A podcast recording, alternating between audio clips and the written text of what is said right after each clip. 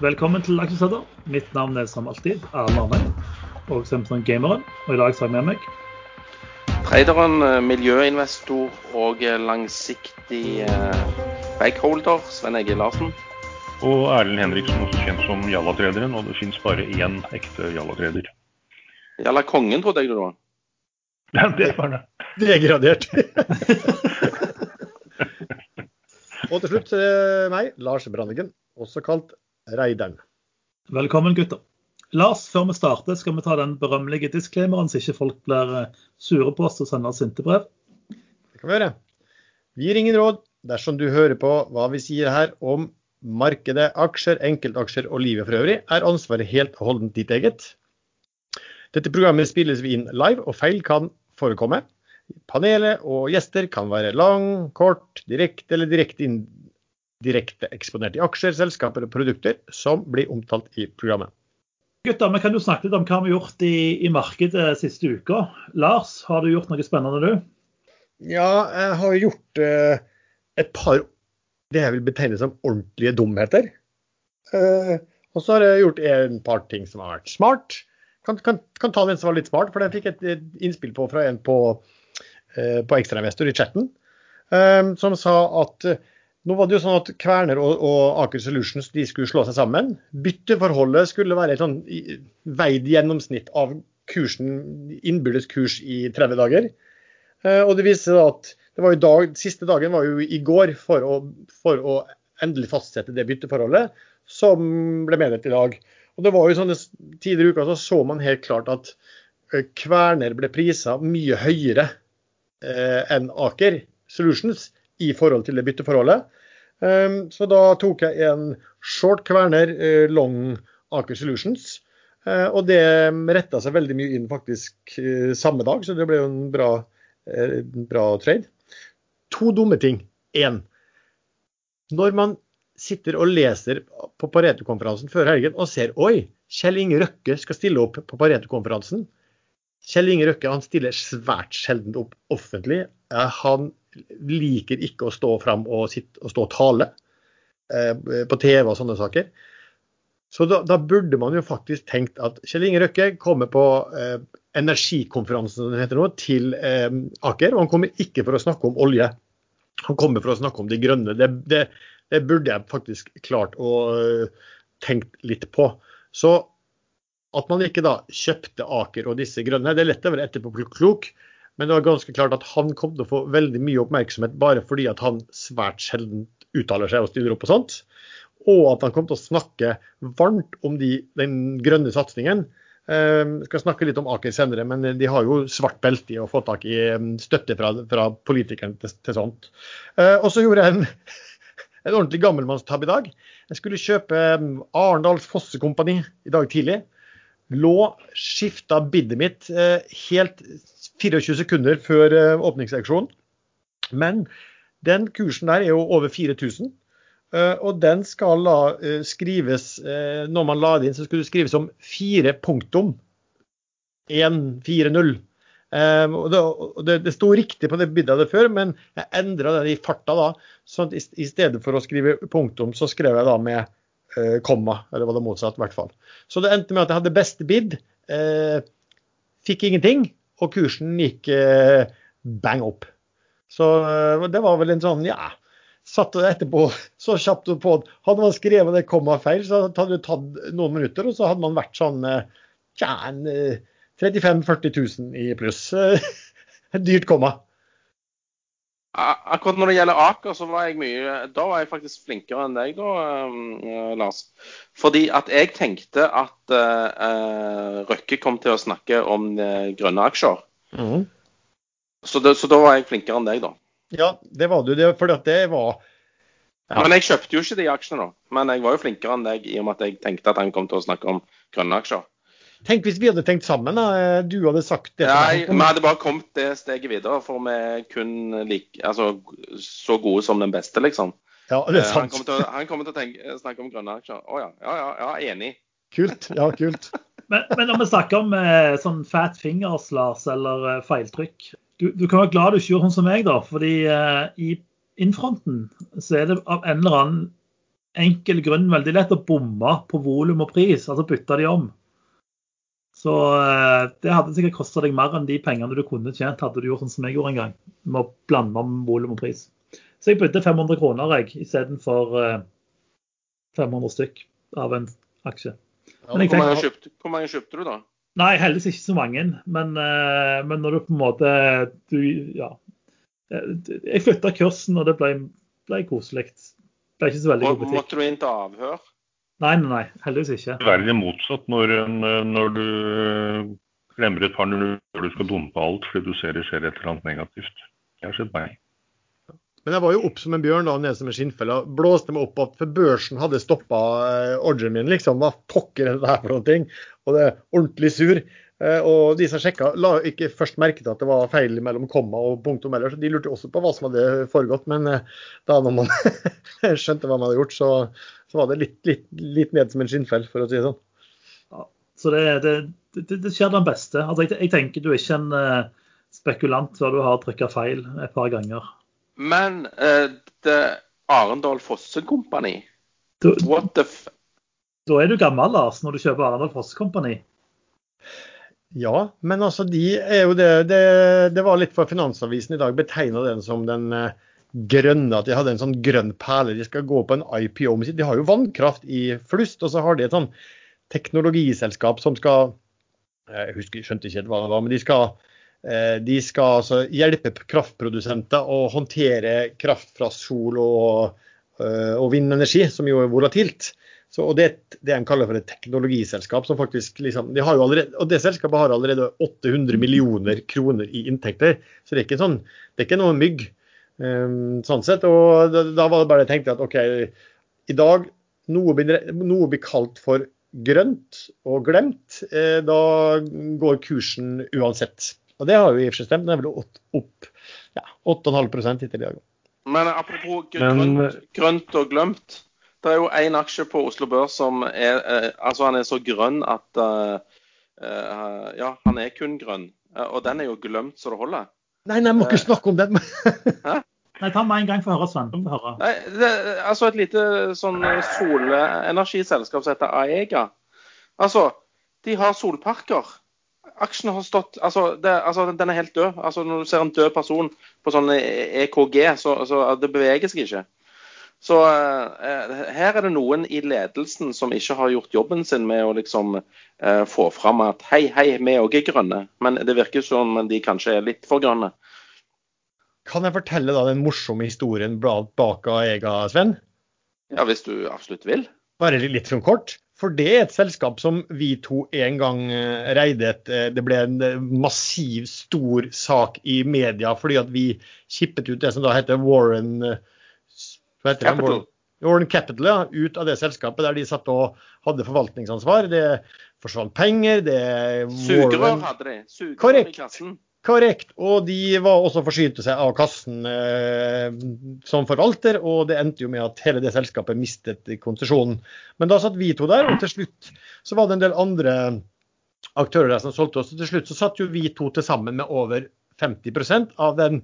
Den eh, delte ut alle pengene til aksjonærene, bortsett fra lite grann, og satt igjen som et børsskall. Og det det ble solgt og ble til faktisk Aega. Så her er det, her er det ja, tilbake til gamle jaktmarkeder. For der har, vet jeg du har kjøpt, og der har jeg også kjøpt. en Ja, altså, Nå må de skjerpe seg, disse som sitter i Aega. Nå må de få fram, og så må de gjøre noe med dette putlegreiene. Det, altså, de må satse mens uh, Altså, hva det heter for noe? Men sypen er varm. Nei, Nei. mens uh, mens grøten er kald, eller et eller annet sånt. Eh, så de må- de må bare kjøre Men, Smi mens jernet er varmt, heter det. Hva er eh, selskapet cappet til nå? I 60 mil. Og, eh, altså, de har eh, cash for 1,46 eh, per aksje. Eh, Ja. Altså, de prises under cash. De har to solparker. De har solgt alle de hadde og delt ut litt penger. Og så har de kjøpt to nye, og så Ja. Det går nå dagene, liksom. De pris, det er jo et selskap som du sier, et grønt selskap som har solpakker, og så har de vel intensjoner om noe mer. Og så prises de til, eh, som du sa, under net, nettcash. og har en del. Men altså, det selskapet der er så lite. Og det her er det som skjer at når du har sånne små selskap, så har du en litt Du må jo ha administrasjon, Og da ender det opp med at administrasjonen spiser eh, opp for mye av uh, gevinsten. ikke sant? Ja, Så det et sånt selskap må gjøre, de er nødt til å bli større. Um? De, må, de må ha mer assets per eh, administrasjonskostnader. Eh, jeg tror ikke de bør gjøre det alene. Jeg tror det der bør bli et helt, helt utmerket børsinstrument eh, for andre. Det ligger allerede grønt der. Andre, de bør slå seg sammen med noen andre store grønne som vil på børs. Og vi vet alle at når man gjør det, så får man premium på helt åpenbare eh, nettoverdier. Eh, og det bør Aega få i bøtter og spann hvis de, hvis de opptrer på en eh, smart måte. Det høres ut som jeg bør eh, ta i et tak der, Lars, og, og, og, og fortelle dem hvor David kjøpte ølet. Ja, kanskje vi skal si det i aksjesladder en gang? Ja, kanskje. Jeg, jeg noterer det ned til neste uke. Nei, men, det, men hør, det, for det, det jeg vet nå, er at altså, vi ser det kommer grønne, vi ser det kommer grønne emisjoner. Det står så mye grønne aktører som skal på børs klar. Meglerhusene står beinklar. Det er nok en del av dem da som Det eneste du må gjøre med noen av dem, er at de kanskje er kommet så tidlig eller ikke har vært på børs, at du må sørge for å ha et ha et system, du må jo ha en administrasjon, du må jo ha ting som fungerer ordentlig for å kunne være på børs. Og det er kanskje det som stopper noen av dem. Men det, her kommer det, her kommer det altså virkelig mange. Og her er det faktisk en snarvei via en aktør som allerede er rett og slett grønn. Eh, Så her er det bare å kjøre på. Burde det innslaget vært merka med reklame? Ja, altså Det er jo ikke noe mer reklame enn at vi forteller hva vi har eh, kjøpt og hvorfor. Ja. Men, Så eh, men kjenner, kjenner vi selskapet en til en viss grad. ja, vi, vi vet at her er det ingen rot i bøkene f før vi solgte, i hvert fall. Nei. Veld, veldig bra. Eh, Sven, har du gjort noe spennende denne uka utenom å ta over? eh, Ja, jeg har, kjøpt litt, jeg har kjøpt litt mer brunt, faktisk. Ikke bare Brunt? grønt. Oi, Ja, ja, ja, ja, brunt. Eh, Null. Hørt om den? jeg har hørt om Jeg null. har, jeg har hørt eh, Mine kilder sier at Bolstad seiler på lørdag. Eh, og det tror jeg på. Så da Nei, forresten. Hvilken dag har vi i dag? Fredag? Nei, søndag reiser han. Den 20. Da skal han retning Hammerfest. Da regner jeg med at det blir Hammerfest i aksjen. Veldig Det er sånn typisk eh, Det er ikke innsideinformasjon, men det er vanskelig tilgjengelig informasjon som du har funnet der. Ja, jeg, jeg, jeg har hørt det fra en som har hørt det fra noen som eh, har hørt noen har bestilt en båt, eller noe sånt. Ja, men det er jo ikke noe, det noe innside å sjekke når båt altså de, de har jo meldt kontrakt og når den skal i gang. Jeg tror, eh, jeg tror det står jo på alle supply-sidene at Lundin har chartra en eh, PSV som skal være med og ankre opp dette her. Ja, Men den, ja. jeg visste ikke at PSV-er eh, ankra opp rigger. Eh, nei, det er AHT-er, det. Jeg, jeg vet ikke hva båt engang. Jeg bare hørte at noen hadde Nei, nei, nei. en båt. Skjønner. Har det en PSV? Da vet Ja. du mer enn meg. Bitte lite grann. Uff.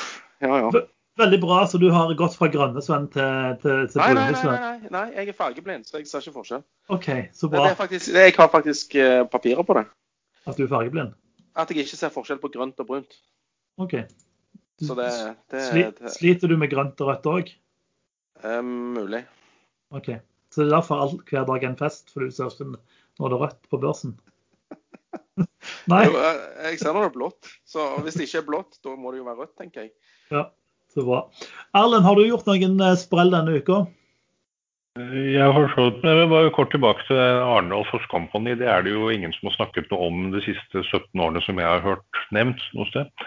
Eh, Men plutselig i sommer så var det to på ekstrainvestor, og uten å nevne navn, så var det Frank Pedersen og Fredrik Tupsjøen etter hvert som eh, begynte å prate lett om det selskapet og tok opp det som et selskap som har store verdier, eh, tjener penger hele tiden, betaler utbytte eh, trygt og godt. Hvorfor diskuteres ikke sånne selskap mer? Og plutselig så begynte Finansavisen å skrive, og kursen begynner å gå.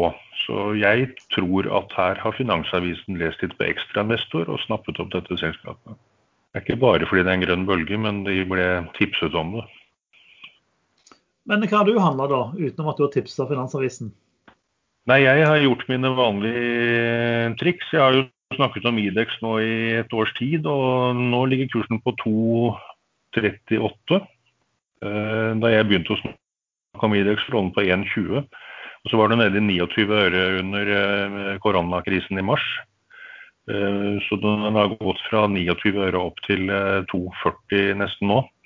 Men jeg hadde den da handlet inn litt over to kroner, og så falt den litt mer enn 3% og Da gjorde jeg det som jeg alltid gjør når aksjen faller 3% Da solgte jeg alt for et par dager siden. Og den gikk helt ned til 1,80 ca. Da var jeg ganske happy fordi jeg hadde vært smart å selge og ikke ble med enda lenger ned. Og så dro den opp i dag. Begynte i går så vidt og var oppe i 1,90, og så har den gått da fra 1,90 til eh, nesten 20 opp i dag. Så det er i hvert fall neste mulighet. Ta nok langt opp. Det går på forventninger.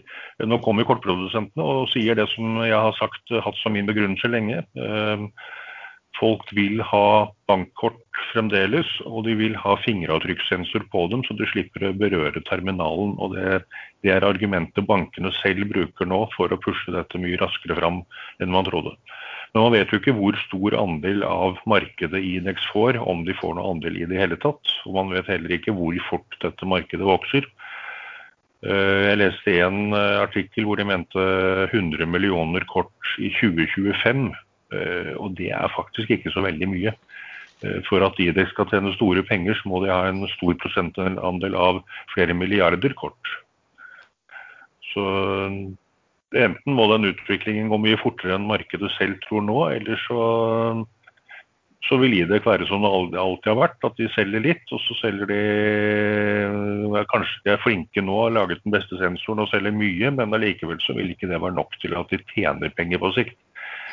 Men som en god Jalla-trader så skal man ikke bry seg om sånne bagateller. Eh, da ser man på forventningene til, til hva Idex kommer til å børsmelde framover. Og det tror jeg blir en pen rekke med børsmeldinger fram, fram mot jul, nyåret. Spennende. Eh, kort om min uke. Jeg eh, har eh, trada litt, eh, litt, forskjellig, faktisk. Jeg shorta Nell i begynnelsen av uka pga.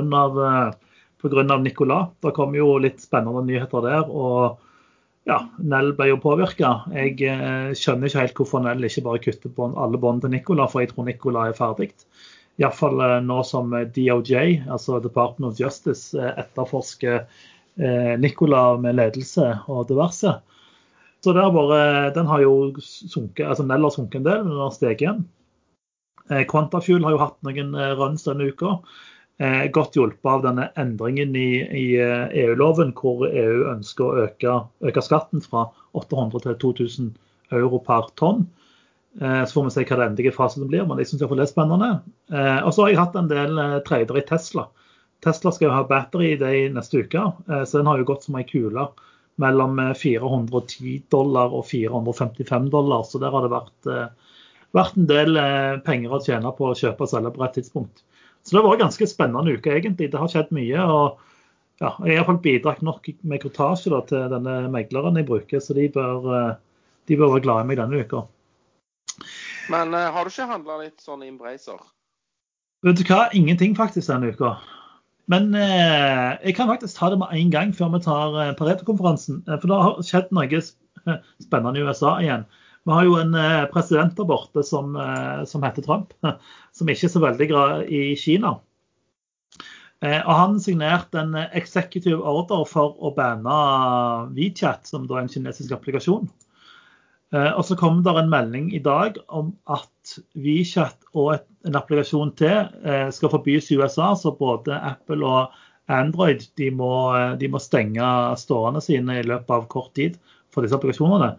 Men det som faktisk er mer interessant, er at Tencent, som vi har snakket om før, som òg eier Funcom her i Norge, de eier jo en del eh, spillselskaper i USA, eh, enten hele eller store deler av de.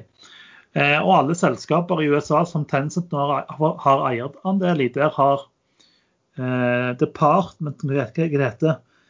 Eh, eh, jeg har glemt, det er, et, det er et eller annet offentlig byrå i USA. Men de har sendt brev til alle disse selskapene som Tencent eier en del i. Og så har de stilt de masse kritiske spørsmål som går på personvern og lagring av data. og sånne ting. Så det er helt tydelig at eh, Trump eh, girer opp eh, sin handelskrig med Kina. Og det kan påvirke ganske mye aksjer etter hvert. Eh, en litt interessant ting, altså jeg har jo snakket mye om favorittfondet mitt, eh, Tinnfond. De solgte jo alt Tencent i vår med begrunnelse av handelskrigen. Og det kan jo se ut som de var tidlig ute, men at de får rett. fordi eh, Tencent kan plutselig få litt problemer i Vesten. Så Men eh, eh, hvis vi tar den litt videre, nå er det jo presidentvalg, og hvis Biden skulle vinne, så er det ikke så mye som tyder på at handelskrigen med Kina blir avblåst. Den kan heller bli trappet opp. Men det som er forskjellen mellom Biden og Trump, det er at Biden kommer til å trekke inn europeiske partnere og prøve å få til en mer global boikott av Kina. Eh, Og det Europa er veldig interessert i å være med på. Dagens sponsor er som vanlig IG.com. IG.com er en stor europeisk nettmegler hvor du kan trade masse ulike produkter. Lars, IG har jo lansert en ny ting denne uka som jeg skal prate litt om. Ja, de har lansert en uh, ukesrapport uh, i Norge sammen med markedskommentatoren Rikard Paulsen fra Arkane Media. Tittelen på dette, denne ukas eh, rapport heter 'Posisjoner deg for fjerde kvartal'. Og du finner altså følgende i rapporten. Ukens lesertips, ukens lyttertips, ukens aksjefokus, ukens lærdom. Oversikt over aksjer med momentum basert på teknisk og fundamentale parametere. Momentummodellen. Eh, min reversion, oversikt aksjer med lav volitet. Endringer blant analytikerne. Masse oversikter og indikatorer. Og verdsettelsesoversikt. Vil du lese ukesrapporten og også kunne abonnere på den, så kan du følge lenken som ligger i beskrivelsen til denne episoden. Det har jo vært en eh, konferanse denne uka. Pareto har jo hatt sin årlige energikonferanse.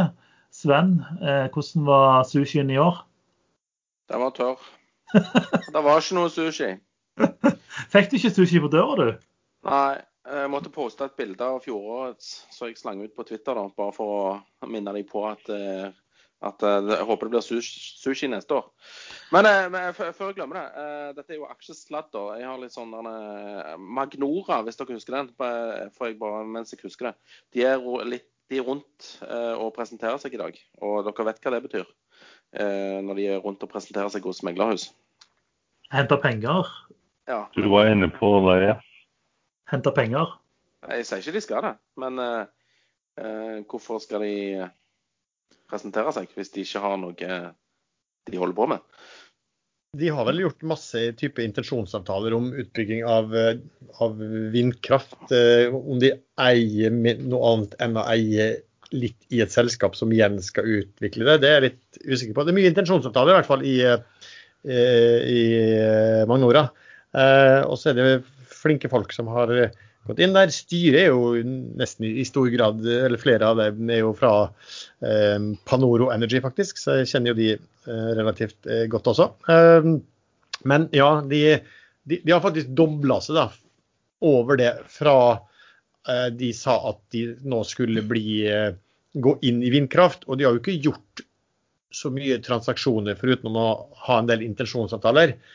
Så ja, så, og det, det, da er det jo kanskje i, i dagens marked sånn som det er nå, så er det kanskje veldig smart av de å hente godt med penger til å kunne gjøre gode investeringer.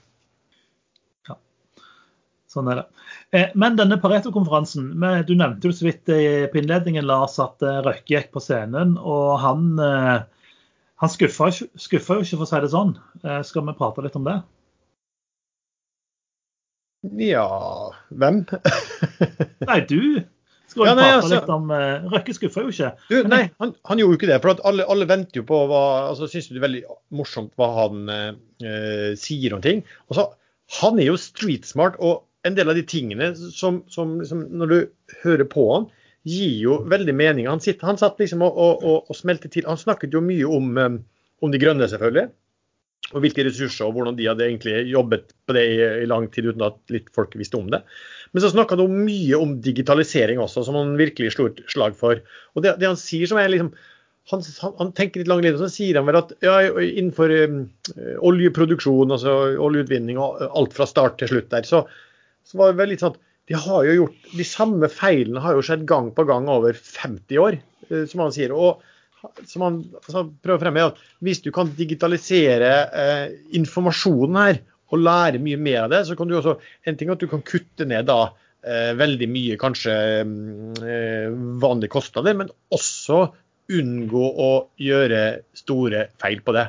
Um, og Det er jo derfor han har, de har satt i gang også dette Cognite-selskapet. Så, så han, han, han, tenker jo veldig, veldig liksom, uh, logisk og, og, og, og, kanskje ha litt mer eh, altså når, når, han tenker på det, så er det han som eier, og da, da har de altså en, en, ekstrem gjennomføringsevne kanskje i forhold til disse store, tunge selskapene som hvis, størst, hvis eier er fond.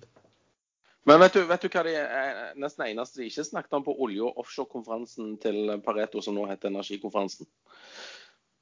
Det var én ting de nesten ikke nevnte. Men nå er vi spente. Hva kan det være? Olje. Oljeprisen. Ja. Det var det ikke så mange som snakket om. Nei, det var mer snakk om hvor lite utslipp de hadde per fat eh, enn å ja, ja, snakke om liksom, oljeprisen. Vi har nesten ikke utslipp per fat. Uh, ikke hvor mye de tjente per fat. Det var ikke så viktig. Nei, i forhold til Aker. Vi har jo snakket mye tidligere om Aker Vind Aker Carbon Capture og de greiene der. Men her... Ja, jeg, ja jeg, jeg, så den der presentasjonen til Aker Carbon Capture. Ja. Jeg forsto ingenting. Nei. Hvordan er det de tjener penger? De, de, de, fanger CO2, og så tar de sikkert betalt per tonn de fanger. Så springer sånne folk rundt med hoder og fanger CO2. Tror du ikke det?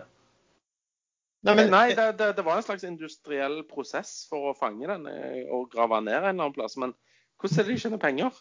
De, de, de, må vel selge, Hvis de har en teknologi, da, det er jo, det er jo en engineering-selskap som der kommer ut fra Aker Solution, så må vel de selge sin teknologi, og om det er fabrikker de har, eller hvordan det fungerer. Jeg så ikke på det. men... Ja, har de satt opp noe som funker? Type Quantafuel? Eh, Nei, tror, jeg tror ikke de er der ennå.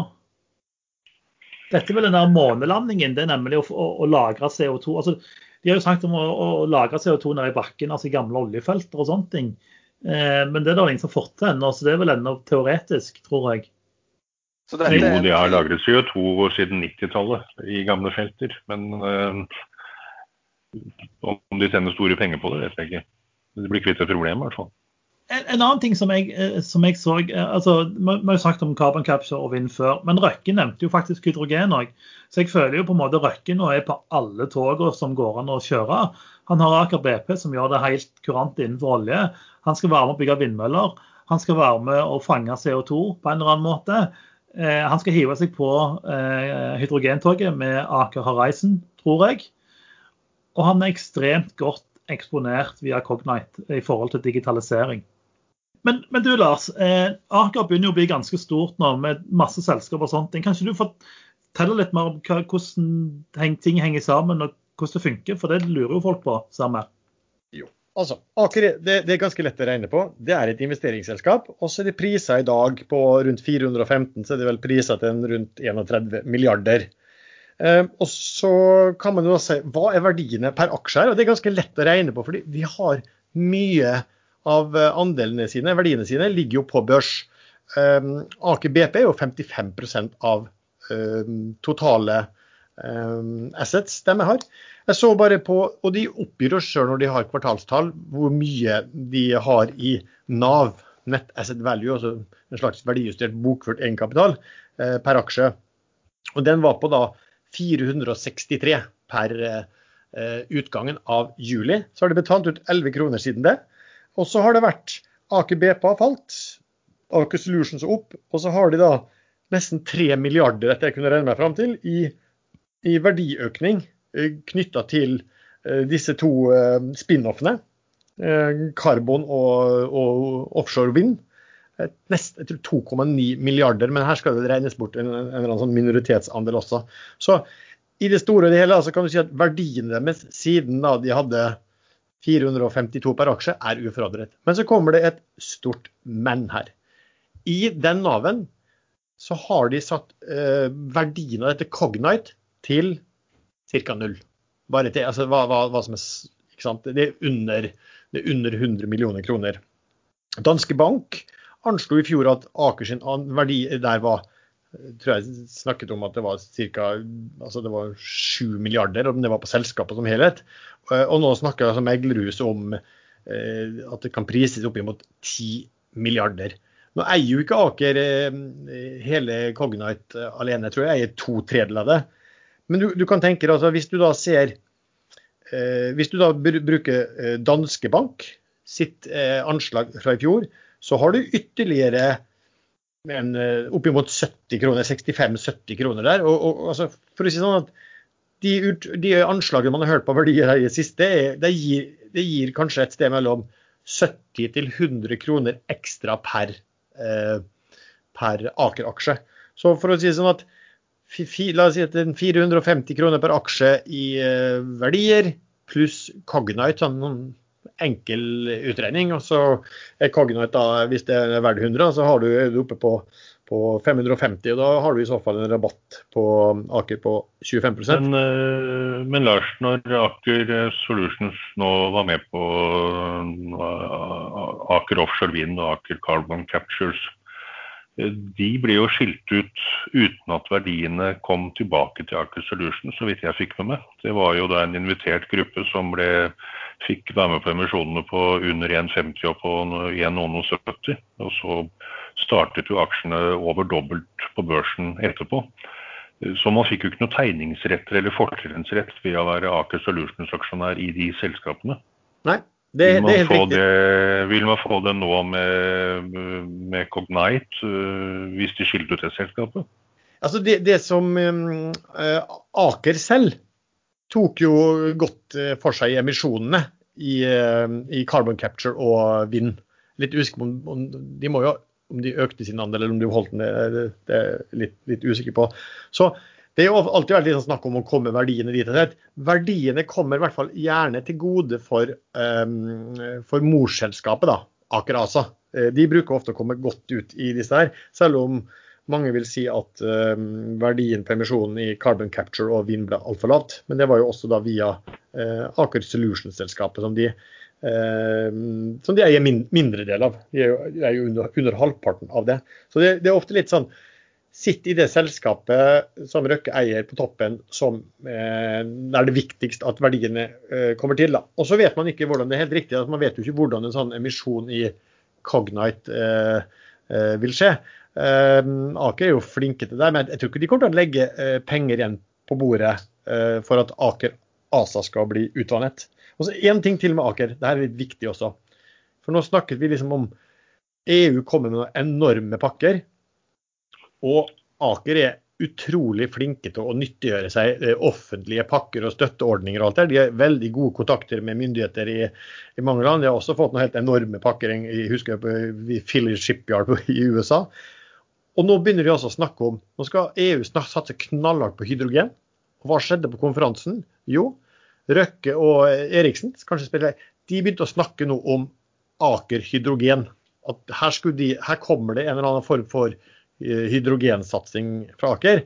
Og det er klart, De, de blir en, hvordan De gjør om det, de snakket også om, om de, hvem de skulle ha med partners, det er veldig sånn usikkert. Men det er klart at de kommer til å posisjonere seg veldig for at her kommer det støtteordninger og oppdragspakker som blir store.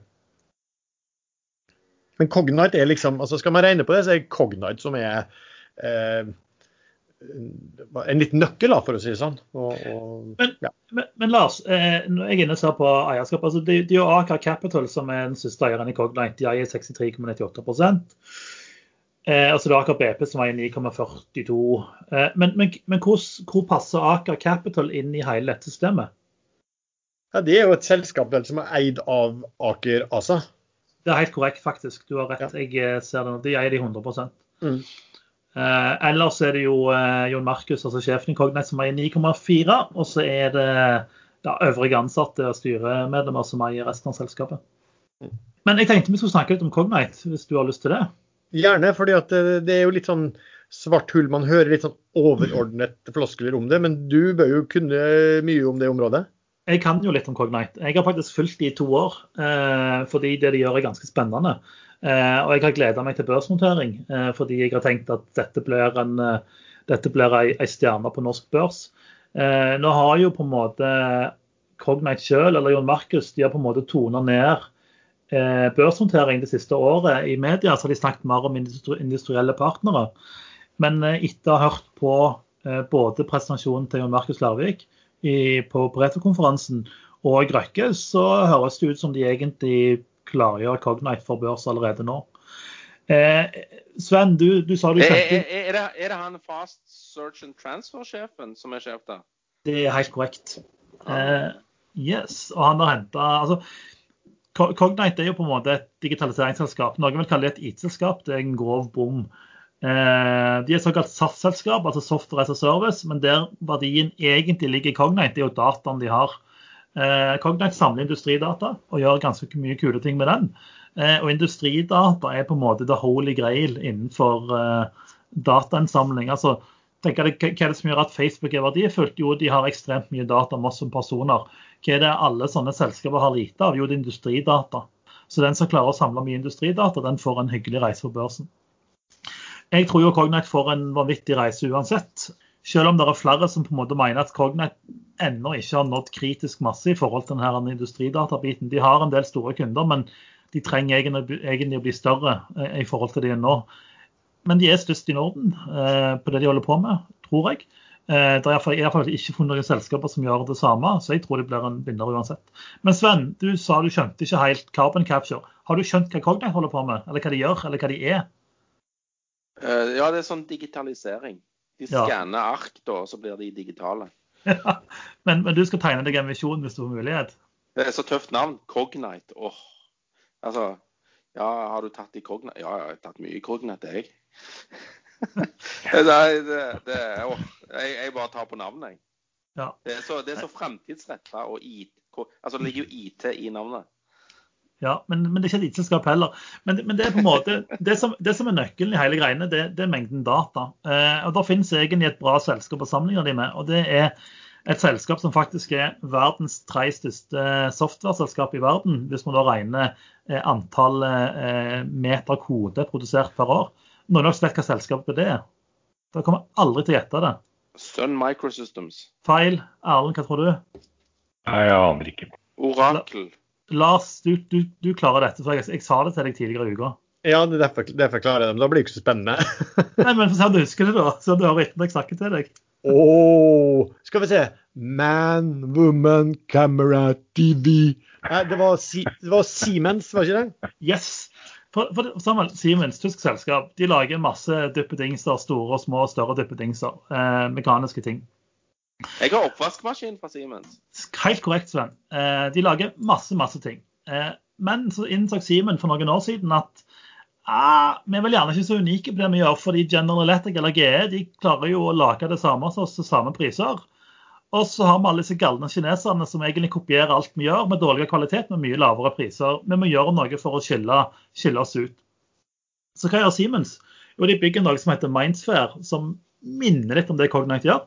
Eh, det er en massiv dataplattform som de har bygd, som samler data, eh, da i hovedsak industridata, fra absolutt alt Siemens lager. Kanskje ikke oppvaskmaskinen til Sven, men alt de lager til industrien. Men når du sier plattform, da mener du en slags virtuell plattform? De har bygd den i, eh, i Ja, nei, det er en, det er en dataplattform i Det er ikke noe som flyter på Den flyter ikke. Den ligger faktisk i Amazon Web Services og litt sånne eh, Bare for å være teknisk. Og Det betyr på en måte at alle disse vindmøllene, eh, gassturbiner, alt sånn drit som Siemens lager, putter de dataen oppi en svær sky. Og voilà, så har plutselig Siemens en kjempekonkurransefordel i forhold til alle de andre, fordi de har data på alle tingene sine. Litt det samme prøver Cognit å gjøre, at de lager ikke ting, og de lager bare en dataplattform. Og så har de fått en del spennende kunder. De har Aker BP, som vi har lest om i media. For de som var på eh, Cognite Ignite i fjor, så var Wintersal, et annet eh, oljeselskap, og prata stort om det de gjorde sammen. OMV, som et stort eh, olje- og gasselskap, var der. Og eh, nå annonserte jo Markus på Preto-konferansen de har fått Saudi Aramco på, på kundelista. Så Cognite er på vei. Eh, jeg tror egentlig ikke markedet bryr seg noe hva kunder Cognite har, fordi det, det Cognite gjør er såpass spennende, så jeg tror ja, det er en eh, kul aksje uansett. Så, eh, ja. så det er på en måte verdens dårligste forklaring på hva Cognite er. Håper Men, det er men mye. når du er inne på Cognite, så eh, tok ABG Sundal Collier, eh, meglerhuset, og pusha eh, Kongsberg-gruppen av alle ting i går. Fordi at de òg har et datterselskap som driver med digitalisering, eller hva det er for noe. Kongsberg Digital. Er det det Yes. samme? Jo, Kongsberg Digital, eh, det er ganske bra spørsmål. Eh, De minner litt både om Cognite og eh, om Siemens, som vi har snakket om. Eh, De har lagd en dataplattform på samme måte som Cognite og Siemens har gjort. Eh, Og de samler inn data fra sensorer og på en måte ulike produkter de har lagd. Eh, de har en veldig stor, spennende kunde som mange av kjenner til. Så hvis du bare går på Google og googler Kongsberg Digital og Equinor, så vil du få opp hva de gjør sammen. Hvis vi, hvis vi sammenligner litt mer med Cognite, så har Kongsberg Digital noen utfordringer, sånn som jeg ser det. Der Cognite på en måte starter på scratch, de har ingen legacy, eh, ansatte, prosesser, meninger, styre eller andre ting så er Kongsberg Digital nok litt mer hemma over at de, har, de er en del av et større konsern med større meninger. Eh, og de har nok òg et helt annet krav til inntjening i forhold til det Cognite har. Cognite har et mål, og det er å vokse og bli store. Og de klarer å tiltrekke seg ekstremt mye spennende arbeidskraft. Eh, spesielt på en måte fra USA og Silicon Valley. Jeg vet ikke om så mange andre norske selskaper som klarer det. Mens Kongsberg Digital nok har mer fokus på at her skal vi tjene penger, og her skal vi på en måte drive sunn butikk. Men du kan egentlig si i bunn og grunn så gjør de mye av det samme. Og Så er spørsmålet på en måte hvordan verdsettelsen på en måte kommer fram i de ulike selskapene.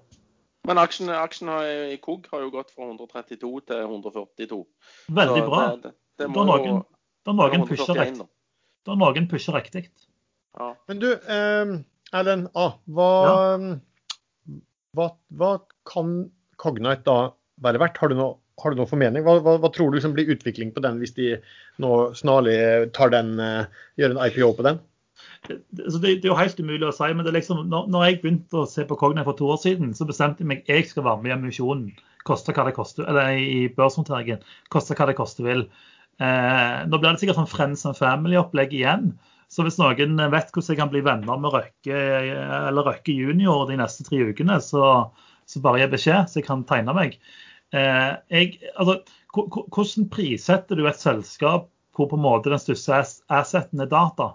Sånn? Ja, Man kan se på regnskapet til Cognite. Eh, og jeg tror ikke Cognite har hentet ut potensial i, i, hvordan de på en måte tjener penger på det de holder på med. Så hvordan prissetter du et, et selskap som har data? Altså Industridataen er på en måte the holy grail som alle prøver å få. Det er en grunn til at Equinor har signert en gigavtale med Microsoft fordi Microsoft ønsker å få behandla store mengder industridata. Så, så liksom, Hvordan priser du et selskap som på en måte er ledende på dette?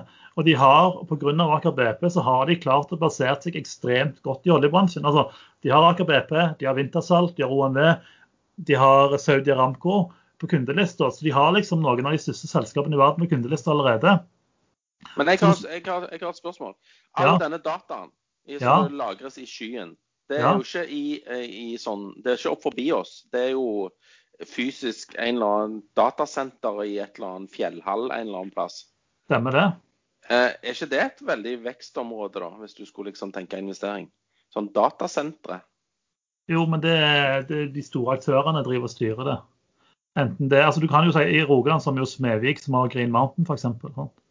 Ja, det måtte jo vært noe å kjøpe. Altså, du må jo leie eller masse plass for Men det, det er så vanvittig investering. Altså, du snakker om hundreårsperspektiv. Men, ah, okay. men det jeg så um, om Cognite, var vel at de sa at de skulle komme også med en sånn tjeneste inn mot eh, seismikk. Og det kan jo være litt interessant. Altså, jeg satt jo sånn noen i styret i et børsnært oljeselskap, og så fikk vi levert uh, seismikk fra et, på et veldig viktig felt.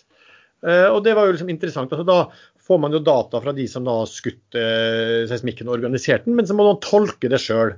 Og da var det sånn at det var det, er jo da flere, gjerne flere partnere på et felt. Det kan jo være fra to partnere til fem. Og alle partnerne da sitter da, og tolker dette her eh, hver for seg, ikke sant? Typisk. Eh, og så endte det opp med at så fikk vi da presentasjon av liksom, tolkningen, fortolkningen, hvor man så Eh, prospekter og muligheter og, mulige, og, og, og, vurderinger av hvor stort det kunne være og sannsynligheter og alt der. Um, og så spør man da ja, hva med partneren? Der var det en partner. Hva, hva har partneren tenkt?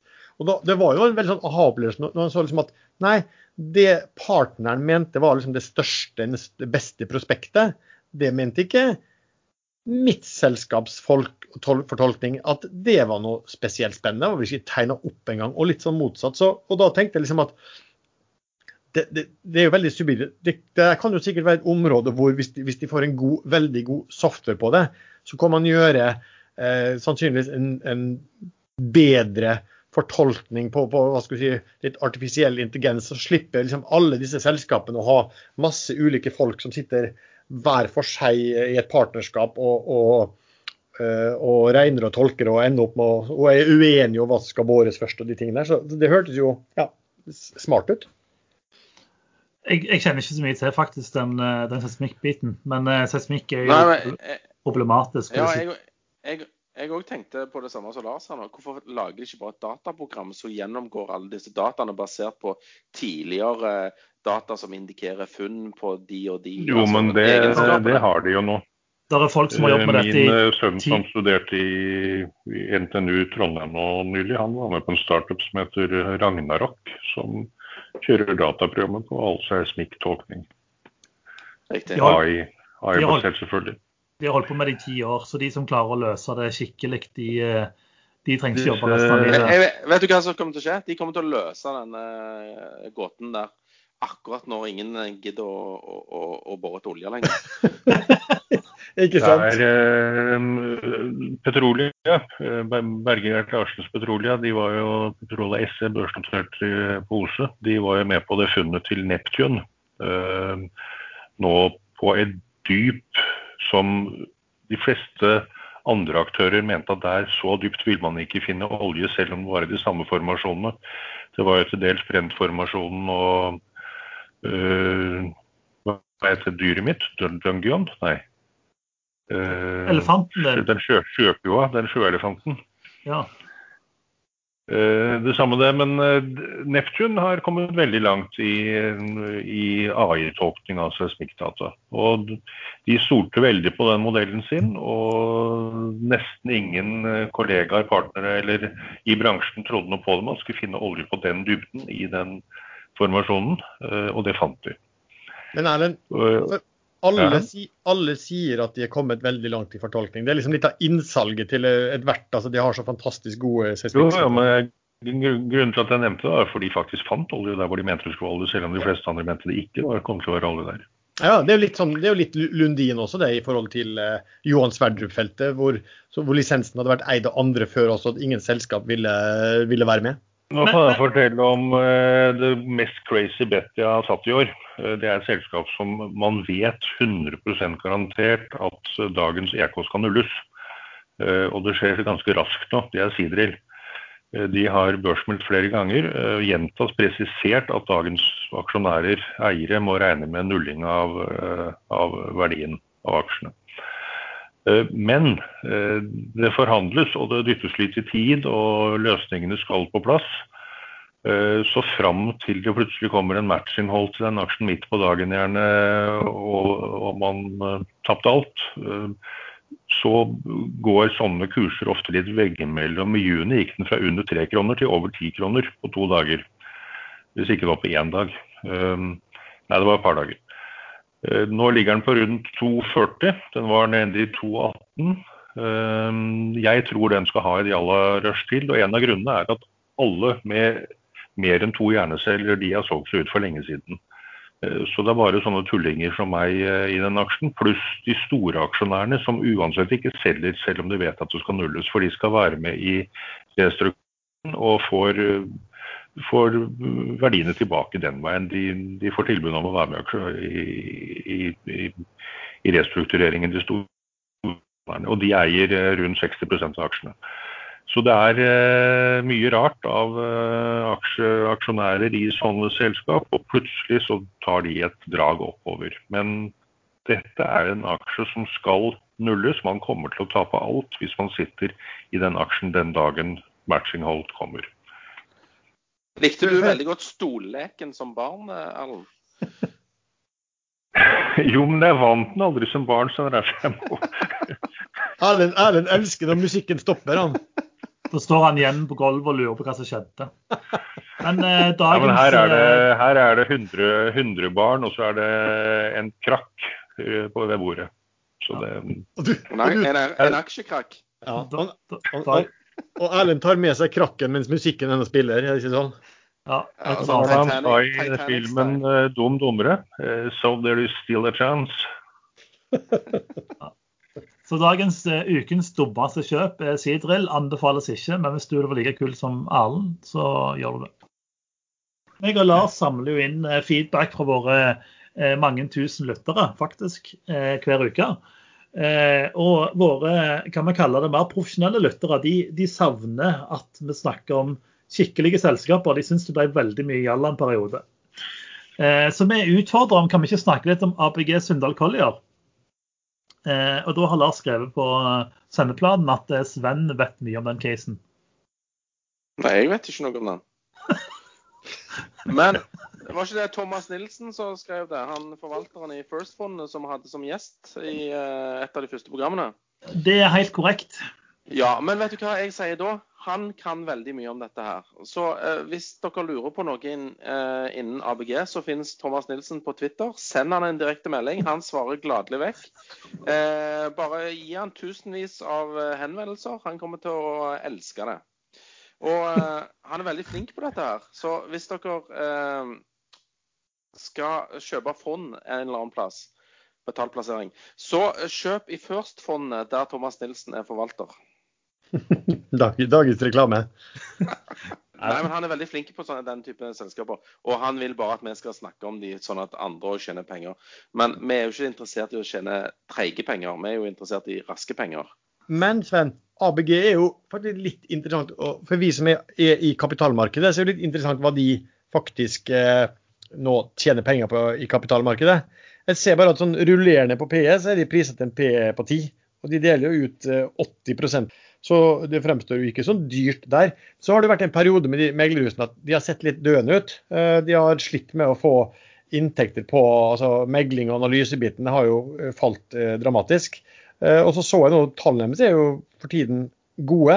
Men det er sånn for første halvår så De har tre deler. da. De har det å hente kapital. Så har de det å være rådgivere for bl.a.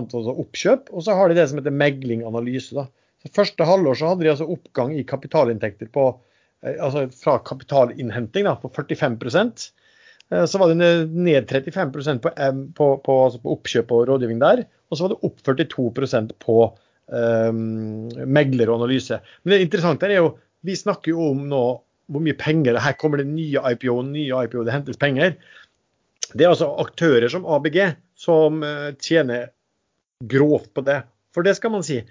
Er det noen ting som man tjener virkelig grovt på i kapitalmarkedet, så er det å hente penger til eh, andre selskap. De store de henter liksom 500 millioner dit, og det gjør de på en ettermiddag. Klart det er en del forberedelser før, eh, og, og får betalt. Eh, en av de tingene som har kanskje overraska meg de siste en del år, er at dette kunne jo vært gjort, altså en, en emisjon kunne jo vært eh, en, en digital eh, nettside um, sånn sett, og, og, massakrert den inntjeningen der. Men her er det en sånn struktur som tydeligvis gjør det vanskeligere. Men det er vel kanskje det som jeg tenkte på om hva liksom du tenker på om meglerbransjen og det de holder på med eh, framover? Ja, de er noen skitne drittsekk. Men nå må jeg bare få komme med Det er jo emisjoner. Det er et par til dagen for øyeblikket. Og det er jo uh, good times. Men eh, i dag gikk det et selskap på børs uh, på Oslo Børs heter Salmon Evolution. Det var en, en emisjon som ble gjort bl.a. av Pareto og et par andre meglerhus. Jeg tror ABG òg var med på den, så vidt jeg husker. eller, jeg er ikke sikker. Men uansett, da. Jeg tegna meg i den emisjonen etter meldingen om at emisjonen stenger klokken tolv. Klokken var ca. ni på morgenen da. Jeg slengte inn en tegning eh, og gode greier. Og så, eh, dagen etterpå, får jeg høre nei, de hadde tatt og sletta alle tegningene som kom etter klokken 08.00 den dagen. Altså, hva for en praksis er dette her, da? Jeg har lært at du skal innhente mest mulig informasjon før du tar en avgjørelse om ting og tang. Og så nei da, de som venter og er flinke og følger skoleboka, de får ingenting, de. Du må ha kommet til liksom dagen før de sender den meldingen der. Hva syns dere om den praksisen? Jeg syns du henger etter utviklingen, Sven. Du, du, du tror vel også at selskapene tjener penger for å bli verdsatt i mange milliarder? Uh, ja, det tror jeg.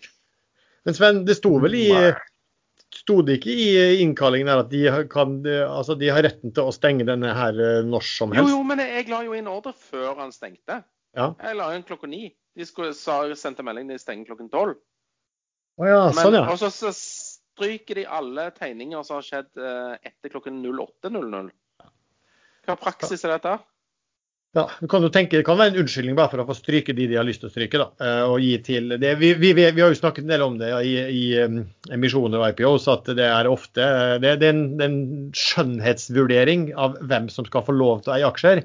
Eh, dessverre så er det vel ofte meglerhuset som forteller kunden hvem som bør få. Eh, det burde være motsatt. Eh, og, ja, og da blir det jo gode kunder av meglerhuset. Jeg har vært med på Ja, emisjoner sjøl. Eh, En annen ting, en annen på ekstrainvestor. Han hadde tegna seg for en del i denne her. Eh, og så, eh, når han så den meldingen, så ringte han inn og så sa jeg vil øke tegningen min. Vet du hva de gjorde med den tegningen nå? Selv om han hadde tegna mange dager før. De sletta den. Fordi at han hadde endra den litt. ja, eh, ja, etter klokken åtte. Oi, oi, oi. Ja, det, det, den, er, den er ikke pen, altså. Du er stråken. Oi, oi, oi. Ja. Men det er vel ingen som kontrollerer hva de gjør. Eh, De kan gjøre akkurat hva de vil. Ja. De kan det. De kan det. Det er jo ikke vært bra. Nei, men altså, For å være litt kommunistisk på børs, det burde faktisk vært Man er på en børs, det er offentlig. Eh, burde ikke vært sånn at meglerhusene skal sitte og bestemme at deres egne gode kunder skal få tilgang på de og de dealene. Eh, selskapene burde være mye mer in- in- involvert i det.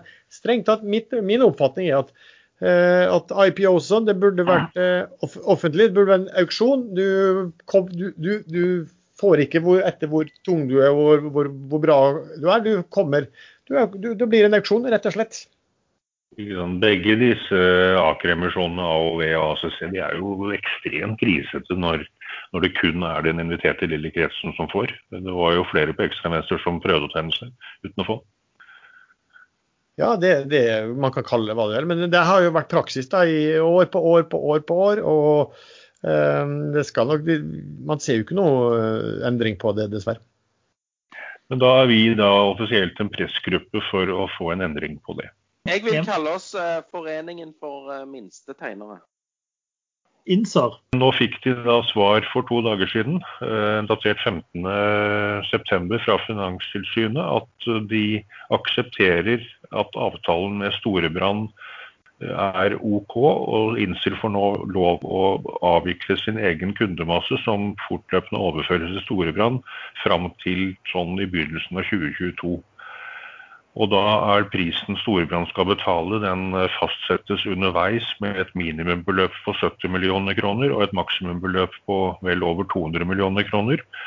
Hvor eh, et analyseselskap antok 115 millioner som mm, base case. Og så har de en del cash, og så har de eh, litt annet vel. Det kan du kanskje mer om, Lars. Eh, så, så best case så, så kan man sitte igjen med rundt 2,50 vel, eh, etter at selskapet er helt avviklet. Og da har man også tatt hensyn til framforbart underskudd, og at børsskallet vil få en verdi. Men skal ikke børsen slå ned på sånn børsskallopplegg, sånn at verdien av børsskall vil synke framover? Jo, men her kan man vel se for seg konstellasjoner hvor et uh, forsikringsselskap uh, på en eller annen måte overtar ja, jeg, vet ikke. Selskapet selv anslår eh, til en verdi på mellom 20 og 50 millioner kroner. Jeg tror man heller kan sette 10 til 15 millioner. Men det, men det ødelegger egentlig ikke regnestykket at dagens kurs er veldig mye lavere enn sannsynlig kursutfall hvis ikke selskapet gjør veldig mye feil og brenner veldig mye penger framover. Mm. Forsikringsselskap blir de vel ikke, for det får du vel aldri tillatelse til å være uansett. De er, de er fratatt konsesjon. Så, så den biten er vel eh, den, den er gone. altså det Her skal de bare avvikle, gitt at de følger visse regler under den perioden også. Eh, Men eh, så ja, hva de kan bruke et sånt børsgall til, er jo litt usikkert. Nå, nå gjelder det jo egentlig bare for de å få, å få nesten tapt minst mulig da, mens de drifter ut, og, få, og fortsatt klare å levere det de skal til tilsynet. For tilsynet har vel sagt at de ville ha månedlige rapporter om hvordan dette her går, og de vil også ha det var noe at de måtte inngå noen avtale på den danske porteføljen innen eh, ja, få måneder. Innen 1.12.2020, altså altså i år. Så det, Ja. det er ikke mer enn eh, halvannen måned til. Så september, oktober, to og en halv måned til, så skal alt dette være på plass. Vi har jo, vi har jo snakka om før om den, den opsjonaliteten på um, utfalls, utfallet kan være ganske vidt. Det, men det var jo veldig bra at de fikk den, den eh, godkjennelsen fra eh, Finanstilsynet. Hadde du ikke fått det, så hadde det vært kroken på døra. for at Per definisjon så betyr det at når du har konsesjon som et forsikringsselskap, så er det vel slik at hvis du blir tatt fra, så, går, så, så faktisk, så setter Finanstilsynet inn styret. Du blir fratatt retten til å ha ditt eget styre. Finanstilsynet tror jeg setter inn styret, som da blir et avviklingsstyre på hele, på hele selskapet. Så, så, så, det hadde jo vært kroken, eh, kroken på døra. Eh, så blir det spennende å se da nå på Det har hele tida dukket opp nye tap, og det var jo liksom første gang vi snakket om det her også, at kom det til å komme nye tap fra, som man ikke hadde tatt høyde for. og Det gjorde jo allerede i Q2. og så Om man er ferdig med det da, det gjenstår jo å se. da. Vi har fått en del spørsmål. Eh, og et av spørsmålene, og da håper jeg robotdøderen har våkna til liv, det er en del, eh, det er en del som på en måte lurer litt på hva vi syns om robothandelen som foregår på Oslo Børs. Og på en måte hva, hva gjør vi for å, for, for å overleve, altså klare å trade mot dem trade mot dem. Du skal ikke trade mot dem, trade med dem. La oss alle være venner, sier jeg. Ja, Hvordan trader du med en robot? Jeg tar og putter inn eh, sånn forskjellige Altså, jeg åpner algoritmen min, og så putter jeg inn forskjellige data i den. og Så trykker jeg på enter, og så, så spyr den ut aksjer der han skal spy ut, og, og, tar inn aksjer der han skal ta inn. Men bruker du den algoritmen din på alt du gjør? Nei, nei. Men uh, hvis jeg har en mengde aksjer som jeg vil selge, så bruker ja. jeg den. Eller hvis jeg har en mengde aksjer jeg har lyst til å kjøpe uten å påvirke kursen i noen nevneverdig grad, så er jeg usynlig i boka, liksom. Det er jo det som er det kule. Ja. Hvilken algoritme bruker du? Det er hemmelig. Er det den der standardalgoritmen til vårt felles meglerhus? Uh, ja, Pareto tilbyr uh, en rekke algoritmer. Okay. Og så kan du jo stille inn de sånn som du vil, da. Ja. Men de er relativt standard. Den kan du ikke bare si det til oss? Det, det blir jo mellom oss. Oss og våre tusenvis ja, av venner. Er, vet du hva, Men, uh, nå, nå, virker de algoene på Merkur Market òg. slem latter. Insert slem latter her. er det en kostnad med å ha algoritmer? Uh, nei, det er gratis.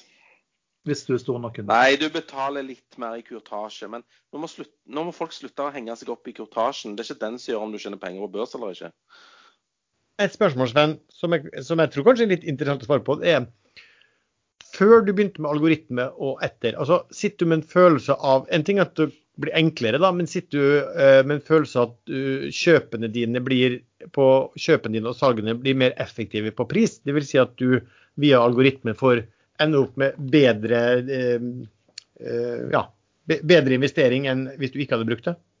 Bedre execution, som jeg sier på godt norsk. Ja, faktisk. Fordi at uh, det er jo det som er hele clouet her. Du, du, definerer en limit. Men hvis det ikke finnes andre ordre uh, som ligger Altså hvis andre ordre ligger under den limiten, så legger du deg automatisk blant de som ligger der. Så hvis du får Altså når Erlend selger uh, på bid, så får du liksom aksjer i markedet, som er under den limiten du egentlig har lagt inn. Så hvis da eh, aksjer forsvinner nedover på venstresiden og at eh, han faller litt, så får du jo billigere enn det du var egentlig villig til å kjøpe for. Mm. Så det er genialt. Sven, eh, det har vært en, eh, et par hundre brukere på Ekstranesso som har spekulert ei uke nå på et, eh, hintet ditt forrige, forrige, forrige helg på hva, hva tipset ditt skulle være. Ja, jeg spilte jo et lite utdrag av uh, en sample fra Queen-låten 'Under Pressure'. Uh, gjort av Ice, nei, Vanilla Ice da, på 90-tallet, eller var det 80-tallet? Ja, jeg tror det var 90-tallet. Uh, så det var Det kunne da være to selskap på Oslo Børs. Det kunne være Ice Group, eller så kunne det være Icefish Farm. Jeg skal si at det er Icefish Farm. Det er oppdrett av laks på Island, i havet Eh, på østsiden av Island. Jeg vil bare henvise dere til en flink eh, elev ved navn Ulf Huse. På Twitter, søk han opp der. Han har laget en research på dette. Det er ingen andre eh, meglerhus som følger denne aksjen. Den ble notert på Merkur for eh, en måneds tid, to år siden. Eh, via ABG, den òg, faktisk.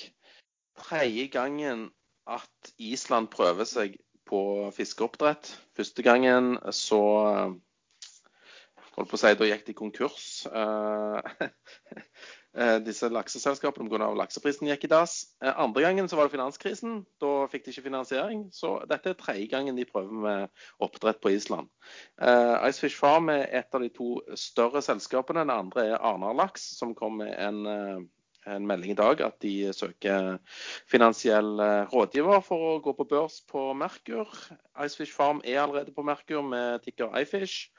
Jeg tror islandsk fiskeoppdrett, der eh, forholdene ligger veldig godt til rette. Det er ikke lakselus fordi det er så kaldt i vannet. Så faren der oppe, og som Arnalaks har hatt problemer med, det er at eh, fisken eh, har hatt det for kaldt og nesten blitt frossen. Så det kunne jo kanskje vært en fordel, da. Så det er bare å dra opp frossen fisk. Men eh, det er forskjellige plasser du kan drive oppdrett rundt eh, Island. Eh, Icefish holder til i østfjordene. Der det er en veldig stabil eh, vanntemperatur året rundt.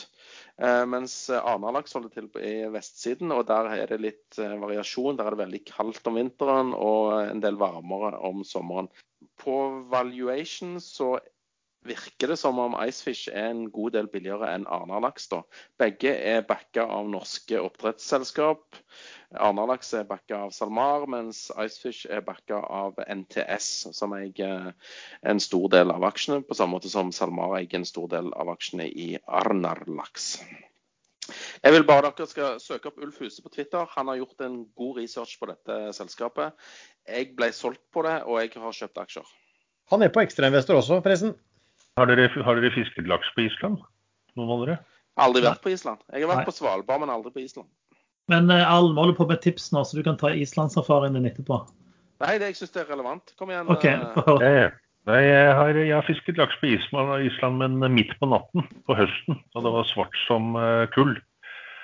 Eh, grunnen var at det kostet jo, når vi kom dit, så fant vi ut at det kostet jo 4000-5000 kroner den gangen på, på 80-tallet å fiske laks i fjordene på Island.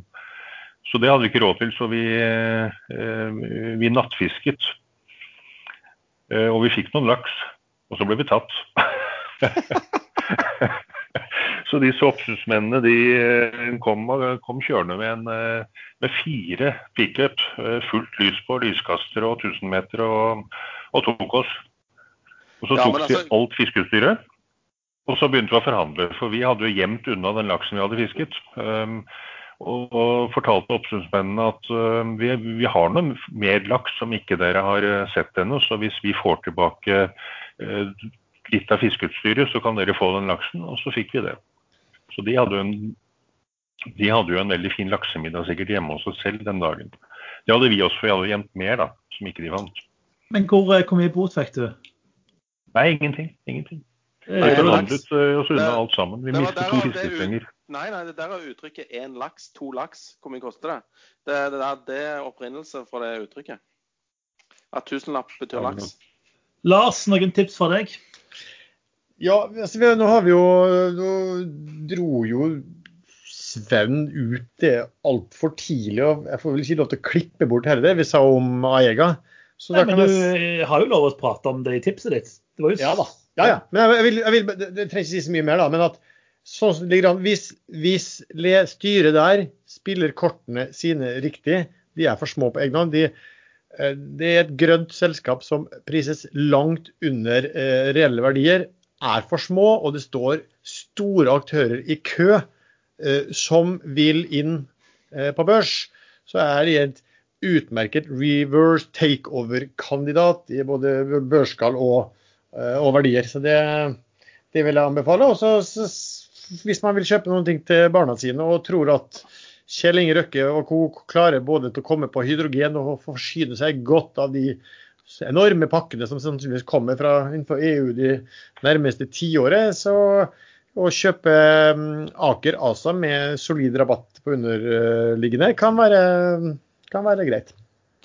Jeg må bare si en liten ting til. Det kom akkurat en nyhetssak på E24 nå. En eh, annen X-sider. De nevner han med navn, da. Andreas Hofstad med toppliste-comeback på børs satser grønt. Gjett hva aksjer han har uh, kjøpt seg opp til toppen i.